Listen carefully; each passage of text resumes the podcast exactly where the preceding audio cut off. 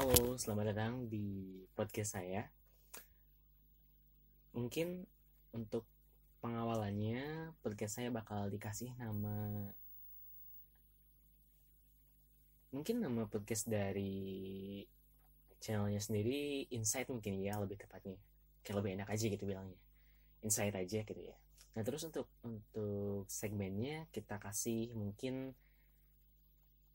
kita kasih segmen ngapa sih jadi ngapa sih itu ngobrol apa aja sama Insight. Keren gak tuh? Iya kan?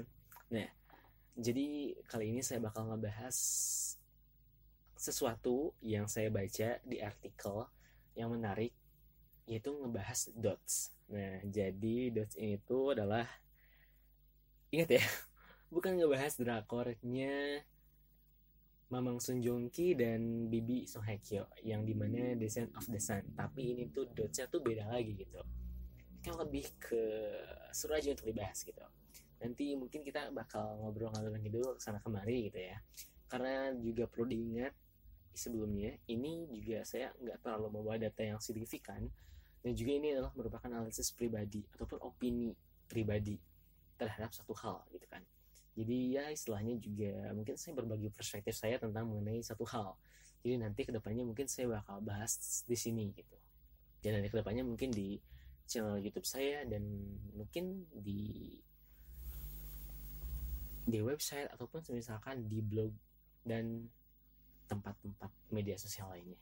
Yang sekiranya mungkin lebih relevan gitu menurut saya ya.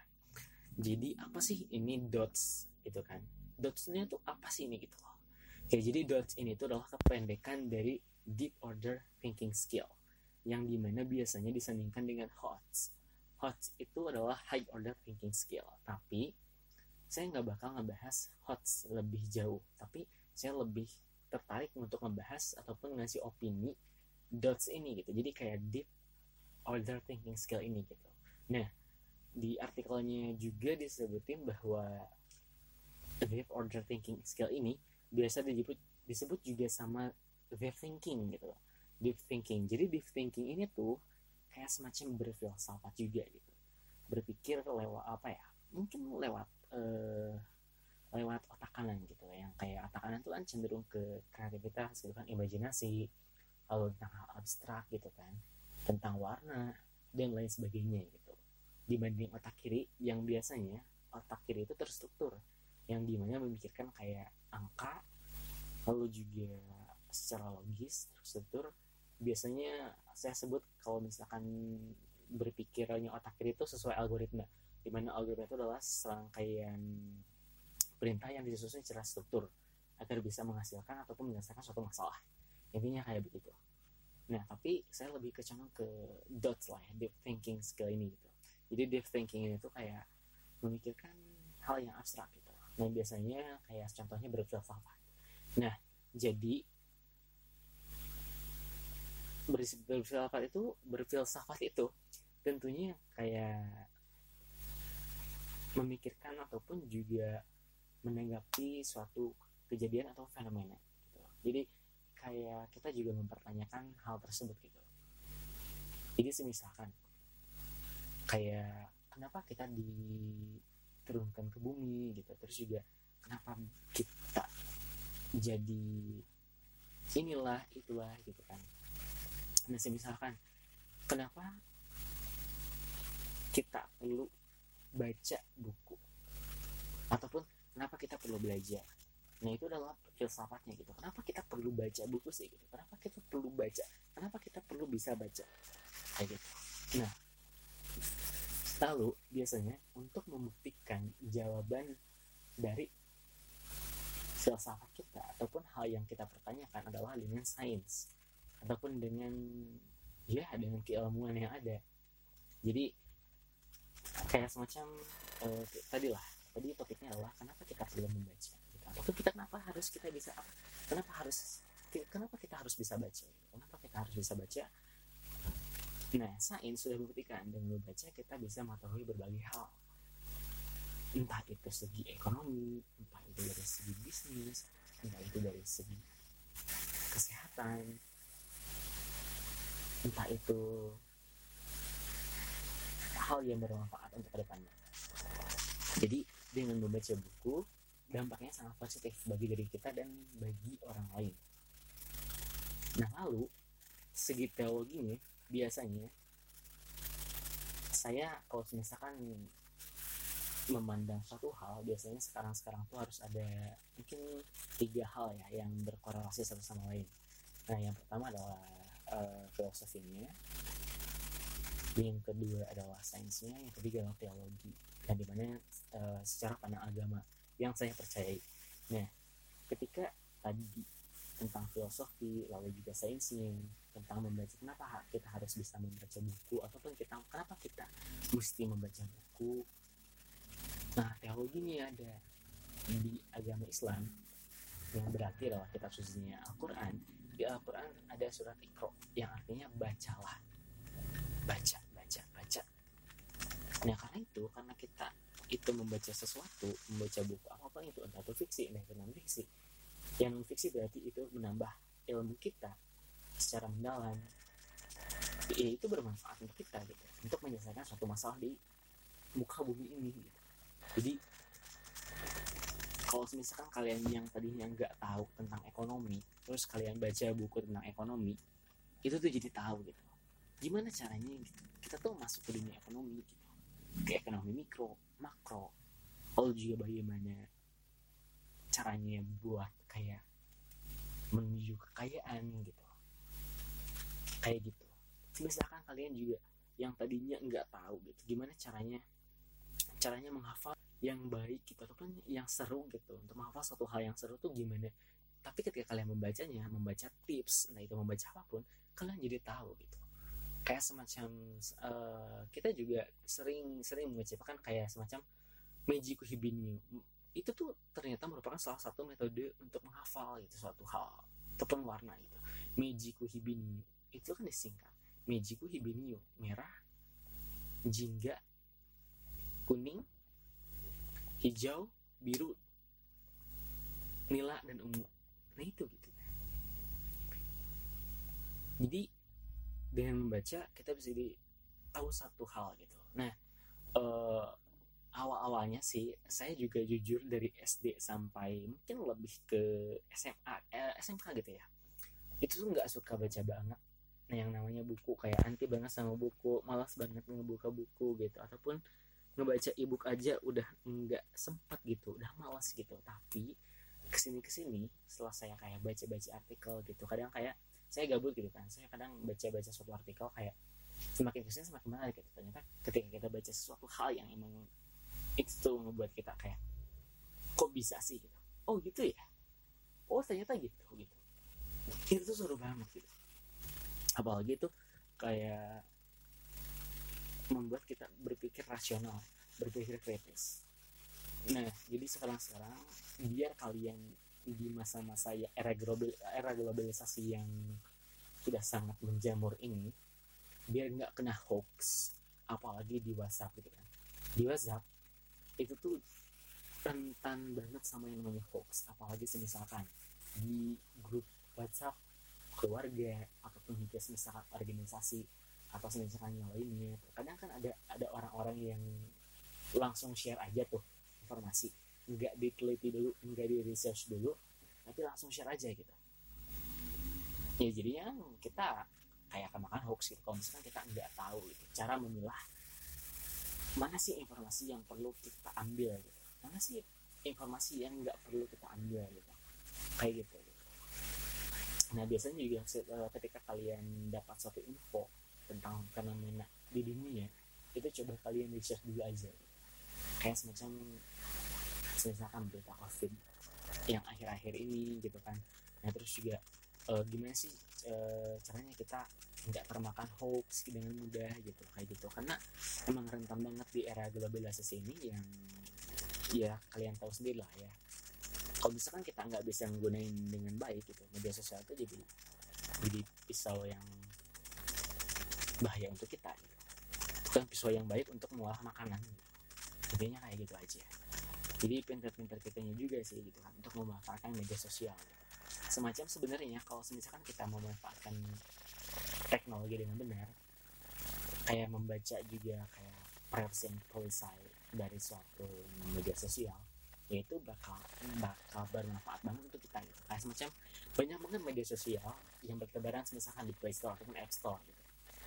Kayak semacam Facebook terus juga WhatsApp Pinterest terus apa lagi ya? Banyak lagi. Uh, Spotify ini juga termasuk media sosial gitu. Kayak media sosial bermusik gitu.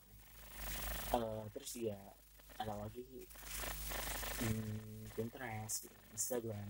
Instagram kalau misalkan kalian ngegunainnya dengan baik itu bakal jadi bermanfaat banget. Kayak gitu. Nah terus juga biasanya kalau misalkan ngundang Facebook uh, Facebook saya uh, sekarang sekarang udah terlalu mungkin untuk baca-baca kayak semacam belajar di suatu forum kali ya. Kayak semacam ada beberapa juga di apa ya bergabung sama grup gitu belajar sesuatu gitu. Nah itu belajar apa pun yang kalian suka gitu. Karena di Facebook itu banyak banget forum-forum yang bermanfaat gitu. Kayak gitu. Terus juga misalkan di Pinterest. Pinterest saya sering cari referensi gitu. Ada ada juga orang-orang yang ngasih beberapa tips gitu di Pinterest. Jadi kalian bisa lihat aja ke sana gitu. Karena ini mungkin unpopular opinion gitu ya. Pinterest tuh lebih lebih baik gitu dibanding Instagram gitu sebenarnya. Karena kayak Instagram tuh sebenarnya kan waktu dulu tuh Instagram tuh dibuat mungkin untuk referensi-referensi foto-foto seseorang gitu. Feed Instagramnya adalah foto-foto dari seseorang. Tapi untuk sekarang-sekarang kayak lebih banyak ke ya you know it's like show off gitu kan. Tapi Instagram tuh uh, bukan Instagram sorry Pinterest itu Pinterest itu udah udah udah kayak semacam enak banget buat jadi referensi. Terkadang saya juga lihat referensi ini keluar ide ini gitu terpikirkan ide ini gitu ngebuat ini ngebuat itu kayak gitu. Jadi kayak enak aja gitu cari referensi foto-foto ataupun gimana pun di Pinterest gitu. Karena Pinterest cocok banget gitu. Walaupun sama-sama media sosial Pinterest sama Instagram saya biasanya prefer ke Pinterest kayak gitu terus juga kalau misalkan apa ya kalau misalkan saya buntu cari-cari di artikel di suatu website di Google itu kayak semacam informasinya kurang afdol atau gimana saya biasanya ke Wikipedia. Wikipedia itu the best banget buat research apa pun gitu. Biasanya kayak saya search di sana gitu tentang ekonomi tentang teknologi tentang komputer tentang sebagainya dan yang saya butuhin sekarang-sekarang. Misalkan ada beberapa hal yang perlu saya butuhkan ketika saat itu juga biasanya uh, saya lebih pakai Wikipedia gitu, dibanding Google sendiri gitu. Karena nanti Google juga bakal ngerekomendasiin websitenya Wikipedia gitu. tapi kayak saya install kayak install aja aplikasi Wikipedia itu ada di App Store sama di Play Store. Kalian bisa install itu bermanfaat banget gitu. jadi kita bakal banyak tahu lah kayak gitu di sana gitu. Tapi yang perlu diperhatikan adalah ketika kita pakai Wikipedia itu tuh bahasanya kan ada berbagai bahasa tuh. Ada ada bahasa Inggris ada bahasa Indonesia saya biasanya pakai dua bahasa bahasa Inggris sama bahasa Indonesia. Namun bahasa Inggris sama bahasa Indonesia walaupun satu topik itu sama biasanya pembahasannya suka beda. Biasanya cenderung lebih komplit di bahasa Inggris dibanding di bahasa Indonesia. Kayak gitu. Karena Wikipedia itu adalah open source. Di open source itu di mana uh, si artikel tersebut itu tuh bisa disunting sama siapa aja. Maksudnya bisa diedit sama siapa aja tapi ingat kalau misalkan kalian mau nyunting suatu artikel di Wikipedia itu tuh kalian emang benar-benar harus paham dulu gitu hal yang mau kalian edit gitu ataupun hal yang mau kalian ubah ataupun misalkan mau yang hal yang kalian tambahin di situ kalian harus benar-benar paham gitu. dan kalian mesti kayak mempertanggungjawabkan lah ya bahwa informasi ini tuh valid gitu ada datanya kalian bisa ngasih datanya data secara kualitatif dan kualitatifnya gitu kan. Intinya bisa mempertanggungjawabkan gitu, atas apa yang kalian misalkan kalian tambahkan kalian kurangi kalian ubah dan lain sebagainya. Seperti itu. Nah jadi dengan deep thinking juga kita tuh kayak semacam bisa menyelesaikan suatu masalah gitu. Ketika ada suatu masalah muncul kita berpikir bagaimana cara menyelesaikannya kita analisis dan hasilnya ada jadi solusi. Nggak stuck di satu situ aja gitu kayak gitu. Nah terus juga saya baca-baca di abad pertengahan itu tuh di ketika di abad pertengahan kayak semacam ilmuwan ataupun ilmuwan kedokteran ataupun ilmuwan yang lainnya di Eropa nggak ada gitu. tapi adanya di negara Asia sama sorry negara-negara Arab gitu jadi contohnya banyak banget filsuf Islam gitu di abad pertengahan. Karena ya masa-masa kejayaannya di situ gitu di abad pertengahan gitu. Jadi kayak semacam seorang filsuf kayak banyak banget lah orang Eropa belajar ke filsuf Islam gitu kayak gitu. Nah jadi e, karena saya menyayangkan banget gitu ketika baca-baca historik ke e, masa kejayaan Islam gitu banyak banget filsuf yang berharga di sana gitu kayak gitu. Termasuk kayak semacam hmm, filsuf uh, al-Hawarizmi gitu kan. Mungkin uh, kayak teman-teman juga udah tahu lah siapa al-Hawarizmi. Beliau tuh adalah seorang uh, matematikawan filsuf juga yang dari Islam. Sebenarnya banyak banget sih ahli ahli di bidang apa ya ahli bidangnya. Cuman saya uh, gak terlalu ingat. Karena iya beliau banyak banget gitu ahli bidangnya gitu Cuman yang saya ingat adalah matematikawan yang di mana Al-Khwarizmi itu adalah penemu angka 0. Nah yang di mana angka 0 ini sangat krusial bagi era modern saat ini. Nah kenapa? Karena ketika salah satu apa ya ketika penemuan Bapak Al-Khwarizmi ini tidak dikembangkan lagi maka tidak ada tidak ada bakal ada internet komputer gitu kan yang sering kita pakai hari-hari ini bahkan kayak krusial banget itu kita ngerjain tugas kita online conference kita online class kita misalkan uh, ada online course gitu kita pakai komputer laptop gitu kan ataupun handphone ataupun smartphone gitu ya yang kita pegang saat ini gitu. Nah itu tuh berkat ya bapak Alizmi gitu penemuan angka nolnya gitu. Karena kenapa? Karena ada kaitannya dengan uh, bahasa komputer itu sendiri. Nah bahasa komputer itu bahasa komputer itu adalah nol dan satu gitu. Jadi sebenarnya komputer itu hanya memahami 0 dan 1 gitu. Jadi bila direpresentasikan 0 itu tidak dan 1 itu iya gitu. Jadi kalau misalkan iya berarti angka 1 dan 0 itu tidak gitu kan. Nah, itu tuh sangat krusial banget gitu. Bayangkan kalau misalkan Bapak Al-Khwarizmi nggak nemuin angka 0 ya mungkin bakal lebih sulit gitu untuk mengembangkan teknologi seperti sekarang ini kayak gitu. Jadi itu gunanya membaca gitu. Kayak banyak banget lah kayak gitu. Mungkin deep thinking juga sebenarnya bermanfaat banget buat kita gitu. Intinya kayak coba gitu uh, lagi gitu deep thinking itu karena karena untuk berfilsafat juga apa ya nggak nggak ada ruginya gitu. Karena saya juga sekarang masih belajar belajar gitu. Gimana sih gitu kan cara caranya berfilsafat dengan baik gitu. Ya tentunya uh, apa ya semakin semakin biasanya semakin berpikirin seseorang tuh semakin kayak menganggap dirinya bodoh gitu. Terus juga semakin kayak banyak tahu sesuatu juga kayak gitu gitu anggapannya gitu. Kayak semacam nggak tahu apa apa aja gitu kayak gitu. Nah banyak apa banyak banget sih uh, manfaat dari deep thinking ini gitu. Karena kayak semacam uh, gimana sih gitu caranya kita uh, bisa manage waktu gitu ataupun juga misalkan gimana sih caranya kita bisa ngebangun habit yang bagus gitu? Karena karena apa ya? Uh, saya pikir juga deep thinking juga kadang apa ya? Uh, memikirkan suatu hal-hal yang berat nih. Terus juga kadang mungkin uh, lebih ke kayak terfokus ke pertanyaan dari diri kita sendiri kayak semacam bener nggak sih? Di luar di luar angkasa itu ada bulan gitu. Kayak semacam gitu. Nah lalu kita lakukan research gitu. Lakukan research gitu berdasarkan data yang ada gitu. Entah itu referensinya dari Wikipedia dari Google gitu kan. Dari misalkan kalian bisa menghubungi pihak NASA kalian minta dokumentasinya yang real gitu kan. Ya itu bisa kayak gitu gitu. Dengan sains juga kan sekarang sudah ada gitu.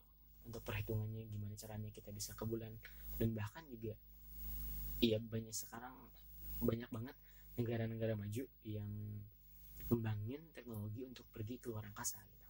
Kayak gitu. Itu banyak banget gitu Dave.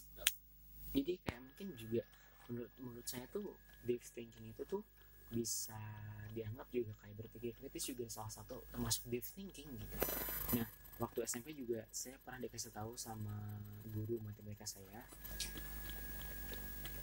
Nah beliau sayangnya udah wafat gitu kan. Nama beliau adalah Bapak Denny.